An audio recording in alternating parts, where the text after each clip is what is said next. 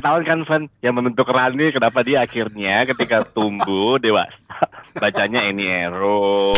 Gue gue gue, gue hmm. jadi nggak mau cerita buku berikutnya karena takut diledek lagi.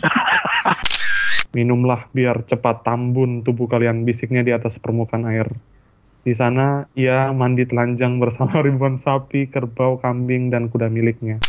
Di 212 jadi kalau kita buka, lu ngapain sih lu? lu goblok banget sih. Wiro, Wiro Sableng, Wiro, Wiro Sableng.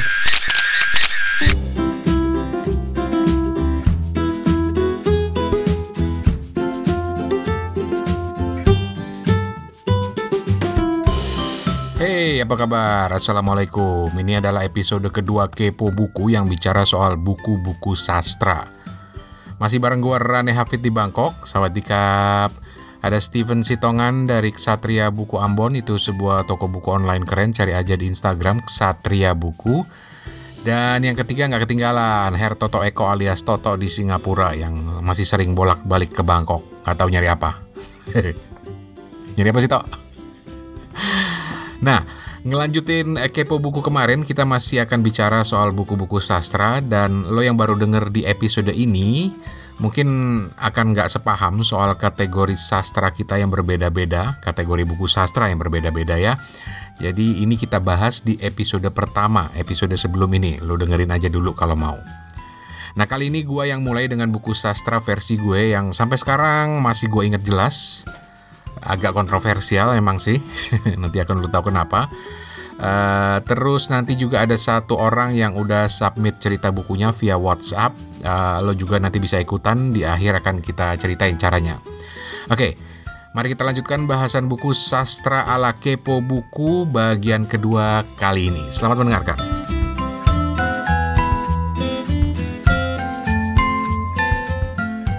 Kalau kalau gue top of mind dua buku yang sebenarnya gue pengen share. Karena dari dari kemarin tuh gue mikir ketika kita harus ngomong sastra gue harus mm -hmm. jujur pada diri gue dan menyebut dua buku yang benar-benar punya kesan. Buku-bukunya Carl May serial Winnetou itu berkesan buat gue. Karena gue setuju sama Steven itu membawa gue sebuah dunia yang berbeda. Walaupun setelah gede gue baru tahu kalau gue ditipu sama Carl May. Kenapa? Dia tuh nggak pernah ke Amerika Oh iya benar. Iya gue pernah baca tentang Dokter Karme itu nggak pernah ke Amerika, bahkan ada yang bilang dia itu penipu. Tapi buku dia bisa cerita tentang kehidupan suku Indian lah, persahabatan, bagaimana Indian itu menorehkan tangannya dengan pisau untuk menjadi saudara sedarah kayak kayak gitu gue sampai hmm. sempat sama temen gue tuh dulu bener-bener kita norehin tangan dengan pisau tempelin karena kita bilang kita teman sejati yang ada karena tetanus gitu.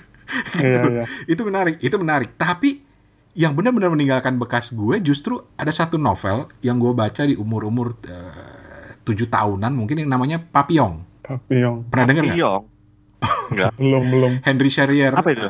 Itu novel yang berkisah tentang uh, tahanan apa dia pokoknya pelaku pelaku kriminal kemudian dibawa ke sebuah tahanan orang di Prancis ya settingnya di sebuah tahanan di daerah New Guinea yang sangat terkenal ketat dan bagaimana dia berusaha untuk bisa keluar dari uh, tahanan tersebut. Nah, penggambaran proses dia keluar dari tahanan itulah yang buat gue itu membekas uh, sampai sekarang uh, bagaimana semua penggambarannya. Jadi yang gue ingat itu uh, ini juga ternyata gue ditipu juga. Jadi waktu kecil gue ditipu sama dua penulis. Jadi Karl May hmm. gue ditipu. Uh, Henry hmm. Charrier penulis buku yang berjudul Papillon aslinya novel Perancis diterjemahkan ke ke bahasa Inggris diterjemahkan uh, ke bahasa Indonesia diterbitkan tahun 73 oleh Gramedia itu menggambarkan katanya cerita tentang bagaimana dia dulu di penjara uh, di daerah French Guiana dan kemudian dia berusaha keluar dengan bantuan teman-temannya termasuk kemudian dia berteman dengan salah seorang uh, narapidana di situ yang mungkin kalau di Indonesia itu disebut nusa kambangannya gitu ya berteman dengan narapidana di situ yang kebetulan ternyata orang kaya dan akhirnya dia berusaha membantu untuk bisa keluar. Nah, prosesnya itu yang menarik. Papillon sendiri kan dalam bahasa Inggris atau bahasa Indonesia artinya kan eh, kupu-kupu itu karena si tokoh Henry Sherrier ini punya punya apa tato kupu-kupu di di badannya. Nah, itu katanya gue juga ditipu karena ternyata banyak ya ini masih jadi kontroversi tapi banyak yang bilang bahwa itu bukan kisah si Henry Sherrier sendiri. Walaupun si Henry bersumpah itu dia sudah uh, itu kisah nyata dia itu autobiografi dia gitu. Jadi emang dari kecil gue ditipu gitu kali ya. Terus yang menarik Papillon ini gue kaget karena baru kemarin uh, gue teringat sama buku ini gara-gara gue lihat poster di bioskop di dekat MBK di Bangkok sini. Itu jadi film dengan pemeran salah satunya eh. si Rami Malek. Oh, eh Papillon itu berarti tahun berapa ya? Papillon Papillon itu di Indonesia-nya aja baru tahun 73 kok diterjemahin. 69. Aslinya berarti tahun berapa? 69. Aslinya 69. Mm -hmm. Oh, iya. termasuk baru ya langsung hmm, baru. Okay, okay, okay. Jadi jadi menarik karena hmm. itu kemudian dijadiin film dan gue langsung gue harus nonton ini film untuk mengingat kembali uh, kisah hmm. Papillon ini. Karena sebenarnya film ini udah pernah jadi film lain tahun gue lupa tahun 76 atau tahun eh tahun 80-an uh, eh, yang main itu uh, Steve McQueen sama Dustin Hoffman, man. Hmm, Jadi salah okay, satu karir-karir awalnya Dustin Hoffman itu main di film Papillon. Jadi itu yang menarik buat gue bentar, uh, papil papilon ini apakah nggak terlalu berat ketika Bang Rane baca waktu itu? Ini kan istilahnya autobiografi seorang tokoh gitu. Apakah di dikasih ini nggak dikasih disclaimer ini untuk 15 tahun ke atas gitu-gitu? Enggak. Enggak ada. Hmm. Enggak ada. Dan gue bangga karena gue bilang Papillon ini adalah buku tebel pertama gue yang abis gue baca. Nggak ada gambarnya kecuali di covernya doang. Hmm. Jadi bangga gitu. Wah, ini buku pertama gue dan gue nggak tahu kenapa bokap gue ngasih itu karena di situ penuh kekerasan, penuh adegan oh. seks gitu. Itu itu ketawa. itu oh, ketahuan kan ketahuan ketahuan kan Van yang membentuk Rani kenapa dia akhirnya ketika tumbuh dewasa dia akhirnya baca lagi majalah-majalah seperti pajak populer bacanya ini Ero ya kan bisa nulis di cita-cita seru. Oke, jadi kita tahu ya kalau lu nanti punya anak segala macam, berikan bacaan-bacaan yang tepat pada waktunya. Walaupun karya sastra, ya, hmm. lu nggak mungkin ngasih terlalu dini gitu. Kita membentuk membekas gitu kan, itu. Eh, bener juga kali ya. Bener kalau menurut gue. Gue gue gue hmm. jadi nggak mau cerita buku berikutnya karena takut diledek lagi. Tapi apa, ini apa? sastra klasik men Ismail Marahimin dan Perang Pun Usai versi Inggrisnya udah okay. diterjemahin judulnya And the War is Over kalau nggak salah itu sempat menang penghargaan di Amerika tahun-tahun 80-an kalau gua nggak salah tapi siapa sih yang nggak kenal mm -hmm. uh, kalau lu suka sastra lu pasti kenal Ismail Marahimin dan judul buku Perang mm -hmm. Pun dan Perang Pun Usai ini juga cerita tentang upaya pelarian para narapidana di zaman uh, uh, Jepang ketika Jepang kalah dari sekutu. Nah, hmm. jadi ada settingnya ada di sebuah daerah uh, Jepang di situ uh, ada kamp tahanan punya Jepang dan hmm. tahanan-tahanannya ini yang ada orang Belanda, ada pastur, ada orang Indonesia yang namanya gue masih ingat namanya Kliwon uh, itu berusaha untuk keluar. Jadi pada suatu hari mereka mau dikumpulkan oleh tentara Jepang. Sebenarnya cuma mau ngumumin bahwa perang udah selesai. Tapi karena memang informasi nggak banyak, tahanan itu mikir kita mau dikumpulin mau dibunuh. Akhirnya mereka berusaha lari dan proses pelarian itu yang kemudian hmm. uh, menarik sekali digambarkan oleh Ismail Marahimin dan gua dulu SMP hafal banget adegan-adegannya itu di halaman berapa. lu lu umur SMP itu? SMP Baca. kelas 2. Oke, oke, oke. Berarti membentuk lah ya. Uh, masa-masa pertumbuhan ya nggak heran kalau begitu dan itu teman-teman gue akhirnya ketika kita ke perpustakaan hafal jadi dulu kita dapat tugas baca buku sastra satu orang itu semua berebutan itu buku dan perang pun usai itu sampai lecek Tetapi Hmm. terlepas dari bahwa itu buku itu dilipat pada bagian-bagian tertentu karena adegan-adegan penggambaran yang eh, seks gitu ya. Tapi Hmm. ceritanya menarik dan gue jadi terbawa dengan cerita itu. Hmm. Dan gue jadi Iya, seperti iya. istilahnya Steven tadi masuk ke sepatu orang membayangkan ketika dia lari dari dari sebuah pulau, kemudian ketika eh, teman-temannya mati ditembak oleh Belanda, bagaimana ternyata mereka tertipu. Coba mereka misalnya nurut dan datang ketika dipanggil oleh eh, tentara, dikumpulkan oleh Jepang, cuma untuk dibilang lu bebas. Karena perang udah kelar, Jepang kalah, sekutu menang, jadi lu bebas. itu kan buat gue itu luar biasa dahsyatnya. Bagaimana hal kecil itu bisa merubah nasib orang, bahkan sampai merenggut nyawa orang itu gitu. Hmm, hmm, hmm. Betul betul. Ya asik banget ya kalau kayak gitu ya. Gue jadi inget tadi, eh, lu kan buku-buku ini, gue ada satu inget eh, satu buku yang sebenarnya nggak sastra-sastra banget, tapi ngebekas sampai gue hari ini, gue masih inget. Apa tuh? Tono dan Tini. Kenapa? Kenapa?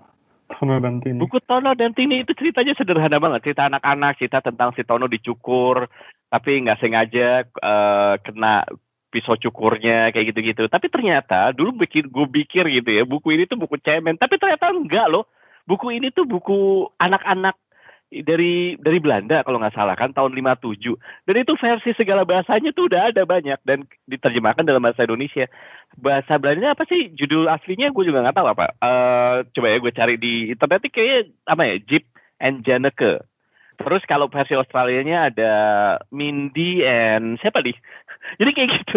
Eh ternyata termasuk buku terkenal juga. Mhm. tapi ya tapi ya nggak tahu itu sih menurut gua apakah saya salah apa enggak tapi itu membekas juga gua karena ceritanya enteng dan lucu gitu. Eh, ilustrasinya tuh gambar dua anak item gitu. Entah kenapa mungkin relate ke gua ya karena gua zamannya SD juga dibilang keling. Jadi gua deket banget dengan cerita-cerita yang kayak begini gitu ilustrasinya Oh, kayak karena dulu lu juga gua- hitam. karena gue item gitu Dan akhirnya gue bisa menyambung cerita hidup lu. Kenapa lu ketika jadi penyiar lu menyebut di- diri Dito White? lu jangan buka lu, lu jangan buka aib lu Jadi lu nggak dibilang hitam lu. Steven lu denger ya Steven ya? Iya. Eh, eh, Dia waktu siaran dulu namanya Dito White. Iya dulu gue selalu pakai namanya di tower dulu Abi ya. Eh, terus apa ya? Makanya gue juga deket dulu sama cita-cita kayak tapi ini bukan sastra ini komik ya seperti eh, Mimin. Nah Mimin juga dulu gue suka banget tuh. Iya, sebenarnya yang lu denger tadi itu adalah cerita buku sastra ya, tapi juga melipir-melipir ke kenangan masa lalu gue sama Toto. Ya, gue sama Toto emang seumur lah, kurang lebih eh, kita sama-sama masih sekitar 20-an tahun lah. Ngibul banget. Tapi ya gitulah, jadi susah move on kalau udah ngomong-ngomong kenangan masa lalu itu. Eh, minta maaf, tapi ya itulah yang kita syukuri juga dari masa kecil dulu yang terekspos banget sama macam-macam buku, eh, termasuk juga karena kita sempat mengalami masa-masa dipaksa dalam tanda kutip untuk baca buku-buku sastra klasik sebagai bagian dari pelajaran bahasa Indonesia, sesuatu yang langka untuk saat ini. Malah kalau lo masih tahu ada sekolah di Indonesia yang mewajibkan anak-anaknya baca buku sastra, lu cerita ke gue dong. Karena gue pasti bakal pengen kontak itu gurunya untuk kita ajak ngobrol. Gila itu keren banget kalau masih ada sekolah yang seperti itu. Mungkin aja kita nggak tahu. Eh, gitu. Terus, eh ya, kemudian kita jadi penasaran buat balik lagi ke Steven yang emang beda generasi dengan kita berdua, dengan gua dan Toto. Dan dari tadi Steven tuh diem aja dengerin gitu ya. Mungkin dia mikir nih dua orang tua ini kalau udah bernostalgia, ah nostalgia. Aduh, yaudah kita dengerin ya, kita dengerin. dengerin. Jadi gua gua sekarang balik ke Steven. Steven dari tadi ngedengerin kita berdua cerita terus dia udah share buku sastranya yang relatif berbeda. Bukan nggak bilang jelek atau enggak ya.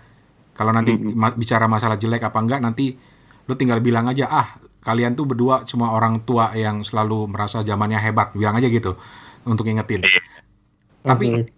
Gue justru penasaran dari elunya sendiri tuh gimana sih Steven karena banyak juga yang dengerin podcast ini yang generasi-generasi elu sebenarnya Eh, aku jadi inget ini eh, kemarin baru baca Pumcernya AA Nafis. Kalau AA Nafis mungkin Bang Rane Mas Toto Hmm, ngikutin juga. tahu. Baca kalau itu. Tapi sekali lagi awal-awal gue baca Nafis, Mm-mm. apa ya runtuhnya surau kami ya? Yang ya benar ya. Judulnya- Kami. Rubuhnya. Surau kami, sorry, rubuhnya surau kami. Itu sekali lagi gue baca dia karena ya bagian dari kurikulum bahasa yang gue harus baca zaman dulu gitu. Iya. Hmm, Jujur harus- aja begitu, jujur ya, jujur ya, jujur ya, gue baca karena seperti itu harus diceritakan kembali seperti itu. Jadi bukan gara-gara gue pengen lihat di toko buku, ya gue baca sastra Anafis gitu, enggak gitu. Tapi gue baca, yes. Nah, Terus, terus gimana kan? Terus Eh, jadi kalau misalnya yang sastra-sastra yang yang yang bikin aku demen itu salah satunya tuh sastra-sastra yang mereka menggali sisi-sisi kelokalan mereka gitu.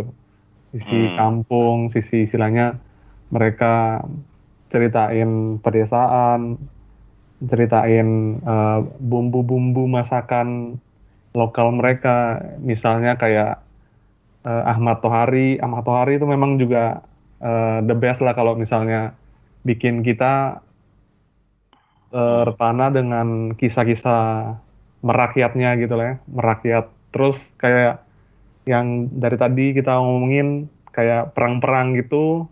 eh, ini ada kemarin baru baca Kabut Negeri Sidali, kumpulan cerpennya A. Nafis yang memang mm-mm. karena karena eh, efek sebuah perang itu begitu mengental dalam dalam batin dunia batinnya Pak A. Nafis ini dibuat Hmm. sendiri eh, satu kumpulan cerpen yang bertemakan perang itu.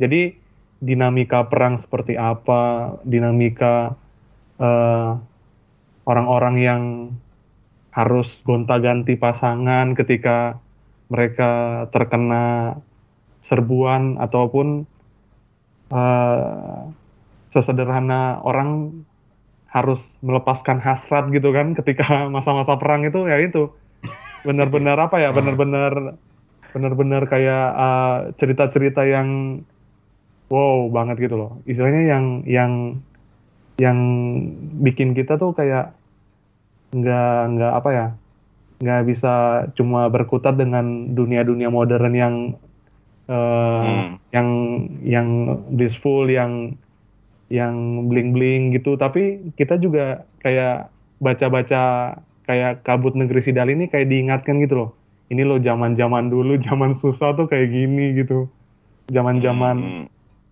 zaman-zaman eh, perang antar masyarakat Indonesia sendiri juga kan Mhm. ketika ketika itu yang perang itu yang masyarakatnya saja yang ini yang istilahnya harus pontang-panting meninggalkan rumah hutannya kampungnya diserbu gitu-gitu itu jadi kayak hidden game untuk aku sendiri cerita-cerita Oke. lokal gitu kayak Damhu, Damhuri Muhammad juga bagus kalau Wih. bisa disebut Damhuri Muhammad terus selain tadi Ahmad Tohari, Nafis juga ini baru dua cerpen yang aku selesaiin. Hampir selesai ini yang terakhir, Kabut. Sama yang tadi Rubuhnya Surau Kami. Dan dan kalau gue boleh tarik ke belakang dari cerita-cerita lo sebelumnya, gue kok dapat kesan bahwa lo tuh suka buku-buku era-era itu yang sebenarnya bukan era lo ya, Eh, karena penga- bisa mendapatkan pengalaman yang yang di luar dari zaman lo. Iya, Mungkin iya, juga iya. melihat ke, ke belakang ke sejarah. Itu yang pernah lu bilang waktu lu baca buku tetralogi Pulau Buru kan? Iya, benar-benar. Ya kurang lebih, kurang lebih eh, benar-benar apa ya? Benar-benar buku yang aku eh, pilih ini karena itu, karena yang kayak Anafis ini Kabut Negeri Sidali. Lihat dari sinopsisnya aja tuh kayak, oh ini perang perang perang zaman Permesta waktu itu, itu itu dinamikanya itu eh, kesengsaraan ya bukan kesengsaraan juga sih istilahnya cerita-cerita apa sih yang waktu kejadian waktu itu Mhm. istilahnya Hmm. istilahnya yang di yang dihadapi si pengarang itu sampai yang aku aku berkesannya gini salah satu cerita yang berkesan dari setengah yang aku baca nih waktu zaman ceritanya waktu itu seorang tentara ini kere, apa kerepotan gitu, kebingungan dia. Dia lagi nyari ini, nyari apa nama? sikat sikat sepatu ya kalau nggak salah ya. Mhm. Dia nyari sikat sepatu. Nah, istilahnya sampai sampai dia kayak naik darah banget itu ternyata si alat ini sikat sepatu semir sepatu itu ketahuan ada di anak buahnya dia anak buahnya dia itu yang nyembunyiin sikat sepatu itu. Ditarik lagi kenapa sikat sepatu itu begitu berharga untuk seorang prajurit di tengah-tengah hutan yang lagi kesepian mungkin ya yang jauh dari sana keluarga istri? Karena mungkin itu alat bantu untuk para tentara itu waktu mereka mungkin stres atau mungkin nggak bisa tidur nggak bisa nggak bisa rileks ya itu alat pemuas self helpnya mereka gitu untuk eh, menuntaskan birahi menuntaskan istilahnya eh, kepenatan yang mereka hadapin gitu Mhm. sampai segitunya sampai segitunya oh kayak kayak kisah-kisah yang kisah-kisah yang pasti nggak bakal kita tahu kan waktu itu kan eh, kehidupan perang itu kan pasti kayak eh, satu lawan berapa berapa yang mati berapa yang dikorbankan Hmm. dari pihak lawan berapa yang masih hidup Hmm. tapi cerita-cerita cerita-cerita yang kayak gitu kan nggak bakalan kita ketemu di cerita-cerita pada umumnya gitu kan kalau kita Iya. nggak nggak bisa Hmm. mendapatkan buku-buku yang yang ini yang yang tepat gitu Nah, tapi benar juga tuh kata Steven. Gue tuh kalau ka- baru saja jadi inget banget tuh kata-kata Steven. Tidak dapat mendapatkan buku-buku yang tepat atau yang kita inginkan. Jadi kalau kita ngomongin sastra di saat ini nih, beberapa waktu lalu tuh sebenarnya gue mau nembus dosa-dosa gue dalam bidang sastra. Seriusan, karena gue kemarin-kemarin itu pengen banget gitu ya. Sekarang tuh gue pengen ngebaca ulang sastra yang dulu gue baca dalam tanda kutip terpaksa gitu ya karena tadi kurikulum bahasa gitu tapi gue pengen ngedapetin lagi kan banyak itu zaman dulu siapa coba Eh, kita ada STA apa Sultan Tadin Alex Sabana Mhm. layar terkembang salah satunya yang gue inget aja ya layar terkembang ada Hamka Hamka tadi kan tenggelamnya kapal Van der Weyck tapi dia juga ada di bawah lindungan Ka'bah Mhm. ada Armin Pane, ada ini sastra klasik Indonesia ya. Hmm. Em, ada siapa lagi? Terus pengarang Indonesia cewek NH Dini. Nah sekarang gue tuh Hmm. pengen baca ulang gitu. Eh kalau pola pikir gue saat ini udah dibentuk sekian lama, sekian tahun, ketemu banyak orang. Ketika gue membaca ulang karya-karya sastra itu apa ya tanggapan gue ya gitu kan?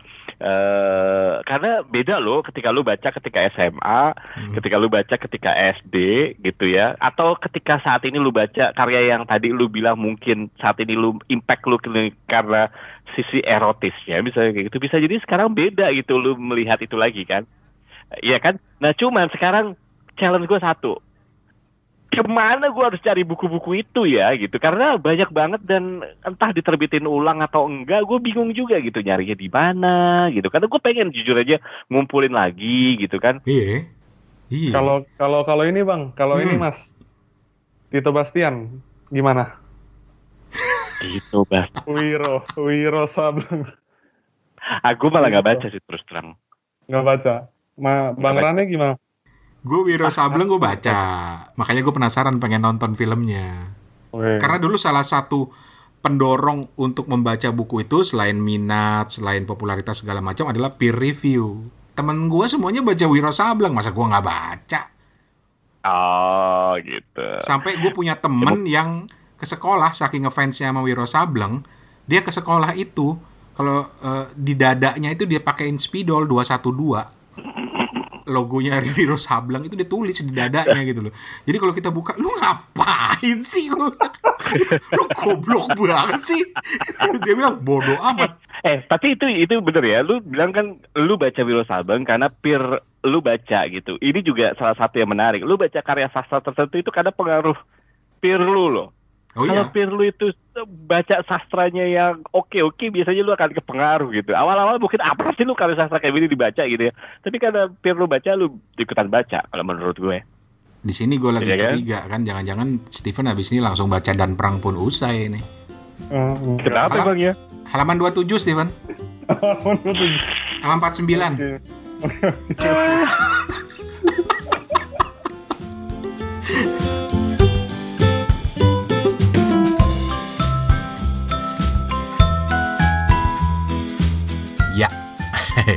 minta maaf, minta maaf banget kalau kita bercanda terus. Tapi ya itulah kepo buku kawan-kawan.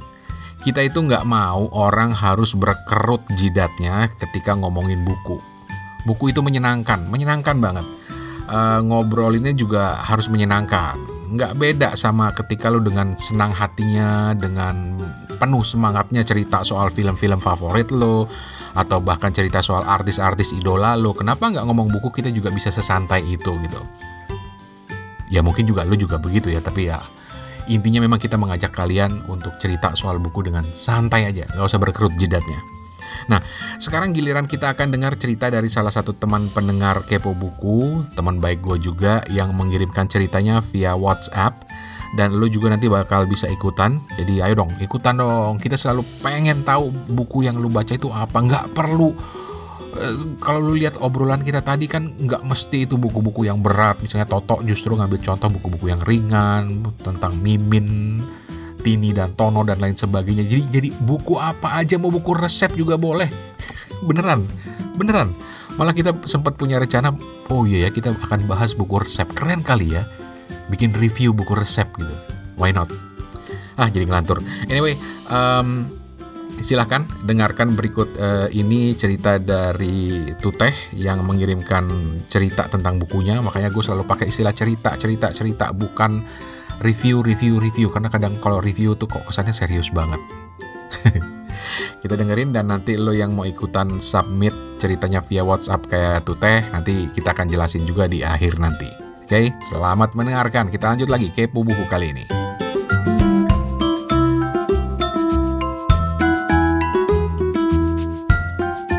Oke, terakhir ini ada satu review nanti gue minta Steven yang cerita sebenarnya ini tapi ini review yang dikirim oleh Tuteh Tuteh Farmantara seorang eh, penyiar eh, masih penyiar apa enggak gue nggak tahu tapi dia tinggal di eh, ND Flores. Wow. gitu. Dan dia mengulas salah satu buku yang berjudul Sastra Indonesia di NTT dalam kritik dan esai. Ini ditulis oleh Dr. Yohanes Handi atau Pak Yan yang memang terkenal sebagai salah seorang kritikus dan pem- pemerhati sastra di NTT gitu.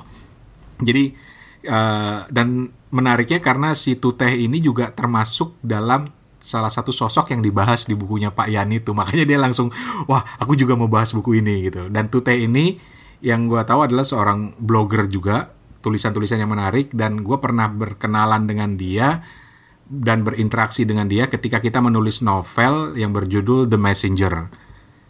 Jadi kita bikin novel-novel keroyokan gitu. Uh, tapi itu nanti kita bahasnya nanti. Kita dengerin dulu uh, Tuteh gitu ya. Tar. You have a WhatsApp message.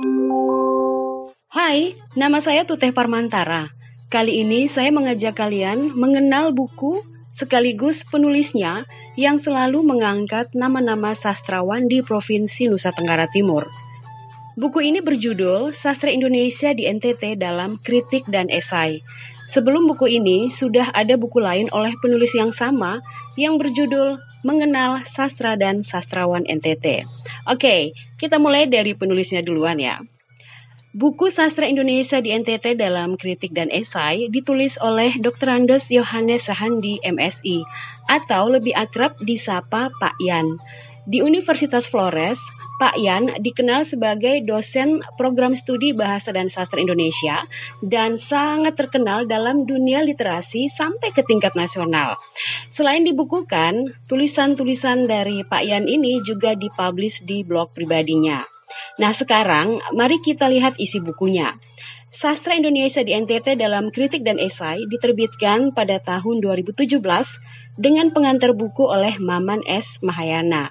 Yang paling saya sukai adalah pembukanya yang diambil dari buku ditulis oleh Habib Yasin. Judulnya uh, Tifa Penyair dan Daerahnya. Isinya seperti ini nih. Kritikus yang besar ialah kritikus yang berjiwa besar dan sudah bisa melepaskan diri dari nafsu dengki, iri hati, benci, dan ria dalam hubungan seorang terhadap seorang.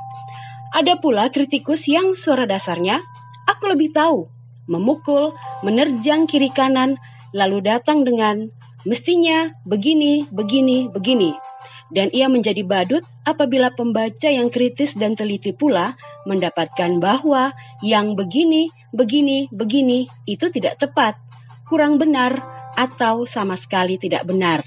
Jadi itu dia ya pengantarnya oleh Maman S. Mahayana yang diambil dari buku Tifa Penyair dan Daerahnya oleh HB Yasin. Dari membaca uh, daftar isi dari buku ini ya, kalian akan tahu bahwa buku ini disusun dengan sangat terstruktur dan juga hati-hati agar pembaca mudah memahami apa dan bagaimana yang sebenarnya terjadi dalam dunia sastra di Provinsi Nusa Tenggara Timur. Dimulai dari bagian pertama, sastra Indonesia di NTT, kemudian ada sejarah sastra Indonesia di NTT, kiprah dan karya sastrawan NTT, hingga perempuan NTT di panggung sastra. Disusul bagian kedua dengan tema umum, kritik dan esai sastra. Serta bagian ketiga atau bagian terakhir dengan tema umum sastra NTT dalam kritik dan esai. Nah, pada bagian ketiga ini nih akan muncul judul-judul esai seperti contohnya nih, menyelamatkan tradisi lisan Flores. Kemudian ada juga judul uh, eh, 3 Juli Sastra Hari Indonesia. Uh, maksud saya 3 Juli Hari Sastra Indonesia, kebalik ya. Hingga judul yang berjudul uh, tulisan maksud saya ya, tulisan yang berjudul G30S dan Pramudia Anantatur. Nah, membaca buku sastra Indonesia di NTT dalam kritik dan esai ini menjadikan saya jadi uh, lebih tahu tentang dunia sastra di provinsi saya sendiri di Nusa Tenggara Timur sejak awal sampai sekarang. Bahkan dengan membaca bagian tentang perempuan NTT di panggung sastra, saya jadi terkenang sama semua buku-buku yang pernah uh, memuat tulisan saya. Uh, iya soalnya uh, saya sebagai salah satu sastrawan perempuan katanya di NTT yang juga dibahas di buku ini ya. Rasanya gimana gitu ketika kita dibahas oleh penulis lainnya. Dan bagi saya ini adalah pencapaian yang luar biasa. Ada proses-proses dan proses karena tidak ada yang instan di dunia ini. Oke jadi itu dia review singkat tentang sastra Indonesia di NTT dalam kritik dan esai oleh Bapak Yohanes Sehandi. Semoga bermanfaat. Sampai ketemu lu berdua ada yang pernah baca nggak sih novel-novel dari Indonesia Timur khususnya dari NTT? Ini lagi oh, baca kumcernya aja. Lu belum sih ya juga ya, Tok? Belum pernah. Gimana ngedapetinnya ya? Maksud gue, lu taunya bahwa itu sastra itu dari sana gimana? Memang di, di, di dibilang gitu di bukunya itu? Ya karena beliau, beliau memang ada di sana. Oh. Beliau dosen di universitas di sana ya tentu saja merupakan orang yang paling paling relevan gitu. Dan tadi kan dia cerita juga bagaimana uh. salah satu buku lain itu ketika dia menulis soal mengenal sastra dan sastrawan NTT. Jadi ini menarik untuk kita nggak pernah tahu kan sastrawan-sastrawan dari daerah itu kan. Hmm, siapa aja karyanya apa betul, gitu ya. Betul. Dan jangan lupa bahwa Indonesia Timur itu banyak melahirkan sastrawan dan juga wartawan-wartawan kawakan. Di antaranya uh, di antaranya da dari daerah Lembata. Siapa sih yang namanya? Salah seorang Marcel Beding. Hmm. itu ada salah seorang wartawan hmm, kawakan dari dari daerah Indonesia Timur. Ada Gerson Poik juga bang ya? Yes. Tapi lu bilang lu lagi baca cerpen penulis dari Indonesia Timur? Iya, namanya Diki Senda bang. Dia juga tinggal di NTT di Molo Selatan. Mm-hmm. Diki, Diki Senda ini kalau kita mati dia masuk di daftar panjang Kusala Sastra Katulistiwa 2018 10 10 besar kategori prosa. Nah, di di long listnya itu ini ada buku yang berjudul Sai Rai, Sai Rai. Di belakang bukunya itu Richard O-nya itu ngasih ngasih endorsementnya kayak gini. Bersoraklah para peminat sastra Indonesia karena di antara kita sekarang ada seorang penulis kaliber Joan Rulfo. Sambutlah seorang penulis yang akan membebaskan banyak penulis mendatang dari keterbatasan keterbatasan struktur narasi, krisis kata-kata, kekakuan makna, kekakuan makna. Jadi yang bisa kita amati dari buku ini ya ini eh, benar-benar cerita-cerita yang eksotis gitu, cerita-cerita eh, sihir, cerita- cerita-cerita yang berbau eh, agak-agak mistis gitu, tapi diramu dengan semangat semangat kekinian gitu, Oke. tanpa eh, tanpa Tapi yang lu udah baca sejauh ini? yang pertama aku baca tuh cerita pendek yang yang yang nuansanya nasionalis sih nasionalis. Mhm. Ini judulnya tuh waktu itu Wedang Uwuh untuk Saudara Baru. Nah, waktu aku baru baca Sairai ini langsung ke Wedang Udu Uwuh itu, oh kayak baca sastra tapi kayak yang kayak yang ini, yang sederhana aja, yang yang simple, nggak nggak nggak rumit bermain kata seperti bermain deskripsi seperti Eka Kurniawan gitu di cerita-cerita pendeknya dia. Mhm. Tapi ketika selesai dari Wedang Owo di cerita keempat, aku balik ke cerita pertama. Di judulnya suatu hari di bioskop Sunli. Ini si si Diki Sendanya nih kayak mempertontonkan kemampuan dia bernarasi gitu. Minumlah biar cepat tambun tubuh kalian bisiknya di atas permukaan air. Di sana ia mandi telanjang bersama ribuan sapi, kerbau, kambing, dan kuda miliknya. Rambut panjang yang digelung di atas ubun-ubun telah basah. Ia menatap garis tangan kirinya, mengusap-ngusap, hingga berubah air mukanya. Tatapannya ia lempar jauh melampaui punggung gemuk binatang peliharaannya. Sesuatu mungkin akan terjadi. Ia pulang dalam langkah penuh gelisah. Ia sudah terlalu tua. Jadi istilahnya eh, judul-judul cerita yang dia bikin ini juga apa ya kayak lokal banget gitu. Suatu hari di bioskop Sunli, Abo Nenos dan perempuan yang agung, Mhm. Naga, sutradara yang memainkan sendiri filmnya, dua ruangan dengan seribu ular. Jadi kayak apa ya kayak kita seolah-olah masuk ke dunia dunia kebudayaan timur yang memang kehidupannya tuh masih masih berkelindan gitu antara yang modern dengan yang timur gitu. Hmm. Kira-kira seperti itu. Yang Dan- aku Dan gue tertarik ketika tadi lu baca pengantar dari Richard O ya, Hmm. yang menyandingkan dia dengan Joan Rulfo.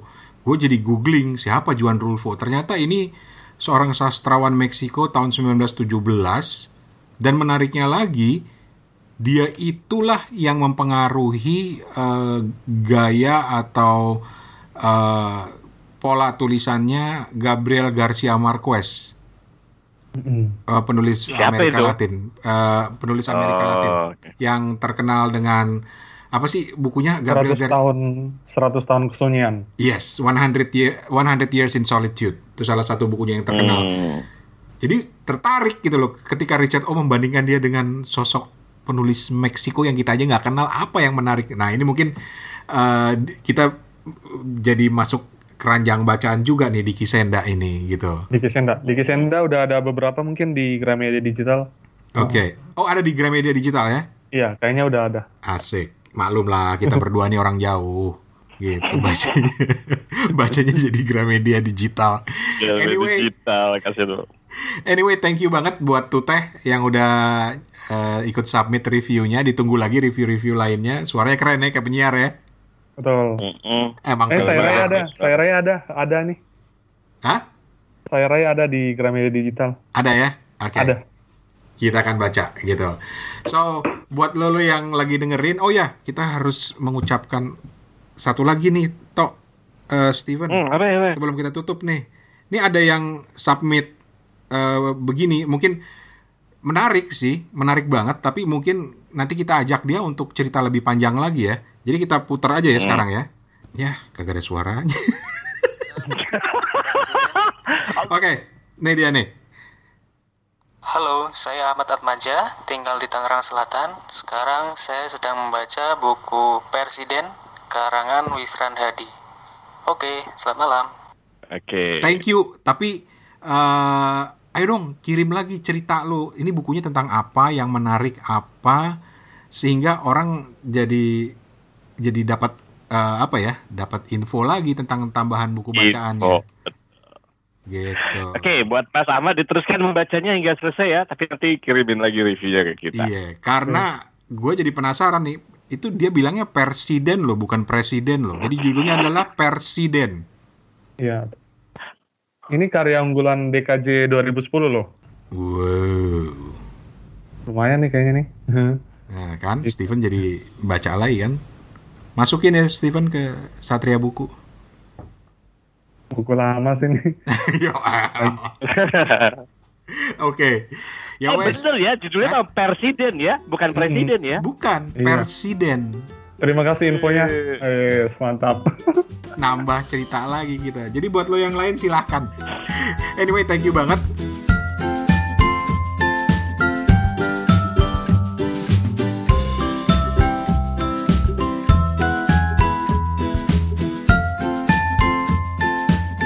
Yes, senang banget. Aduh, senang banget cuy. Nggak kerasa kalau udah ngomongin buku deh. Bener-bener nggak kerasa. Sampai dua episode kita ngalor ngidul. Dan semoga menambah pengetahuan lu tentang buku. Dan tolong tambah juga pengetahuan kami tentang buku dengan lu mengirim cerita tentang buku-buku yang lagi lu baca. Buku-buku favorit lu. Ataupun tentang apa saja yang lu anggap perlu dikomentarin dari Kepo Buku episode ini atau episode sebelumnya. Dengan senang hati nanti akan kita sertakan ke episode eh, kepo buku yang lain. Tentu saja karena ini podcast, lu harus submitnya lewat suara gitu. Nggak usah takut, nggak usah takut. Ya takut, yang takut siapa juga ya. Maksud gue nggak usah nggak usah mikir gimana caranya ya. Pokoknya ngobrol aja kayak lu lagi ngobrol di telepon sama teman-teman lo. Kita juga teman-teman lu cuy. Temen baik cuy. Udah begini banget cuy temennya kita mah. Pokoknya semua teman pendengar kepo buku tuh keren banget sama kita. Aduh, eh sampai di mana sih tadi? Oh iya iya. Eh Tuteh, makasih banget Tuteh di ND.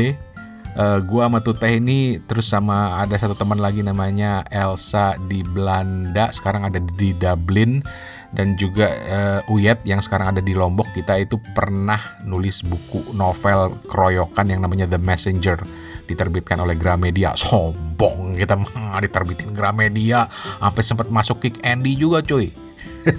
ya nggak teh? Tapi oke lah itu masa lalu sudahlah. Ya kalau lo masih punya bukunya mau cerita juga boleh. Kan nggak ngelantur, ngelantur lagi kan? Aduh sampai di mana tadi? Oh ya ya ya. Yang mau ikutan eh, submit cerita bukunya eh, kayak tuh teh tadi ada beberapa cara. Oke, ada tiga cara lah kita akan kasih tahu di sini. Yang pertama eh, rekam aja di HP pakai voice recorder di HP terus kirim via email lo attach aja ke, via email ke suarane@gmail.com suarane@gmail.com itu pertama. Ari di Australia pernah melakukan cara itu. Thank you banget Ri. Ditunggu lagi yang lain cerita-ceritanya. Kedua kalau lu pakai Anchor aplikasi Anchor kirim lewat layanan messaging suara di Anchor. Ada layanan itu lu cek Ketiga, ini yang paling kita rekomen karena cepat dan kita bisa saling berinteraksi. Kalau ada yang kurang, gue bisa bales eh, WhatsApp lo, yaitu kirim via WhatsApp dengan voice note di WhatsApp. Kirim ke mana? Oke, kemarin ada yang minta nomor teleponnya, catat ya. 087878 505012 087878 505012 atau kalau lo malas menghafal nomor buka browser di HP lo terus ketik ini bit.ly bit.ly garis miring ikut kepo buku. Huruf kecil semua. bit titik ly garis miring ikut kepo buku. Nanti setelah lu enter dia otomatis akan ngebuka WhatsApp lo dan langsung bisa kirim ke gue.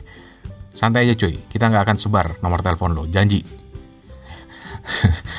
Emang kita mau telemarketer apa? Eh tapi boleh juga ya dijual ke orang yang suka jualan di handphone apa suka jualan-jualan macam-macam. Alah ngaco jadinya. Ah nggak nggak nggak. Beneran bohong bohong bohong. Kita nggak akan share nomor lo.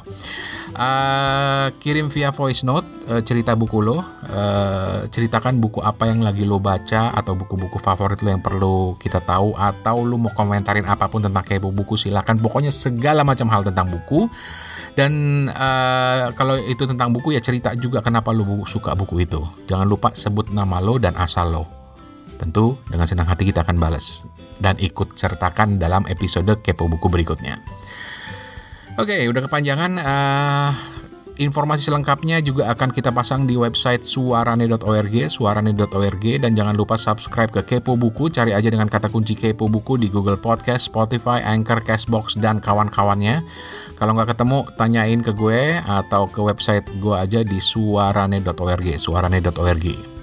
Oh ya, jangan lupa main ke Ksatria bukunya Steven, itu toko buku online keren yang bisa lo lihat di Instagram di Ksatria Buku, K S A T R I A B U K U, Ksatria Buku di Instagram. Keren-keren. Uh, rekomendasi bukunya Steven. Dijamin, gue aja kepincut banget. Kalau lo nggak percaya, lo tanya toko sebelah.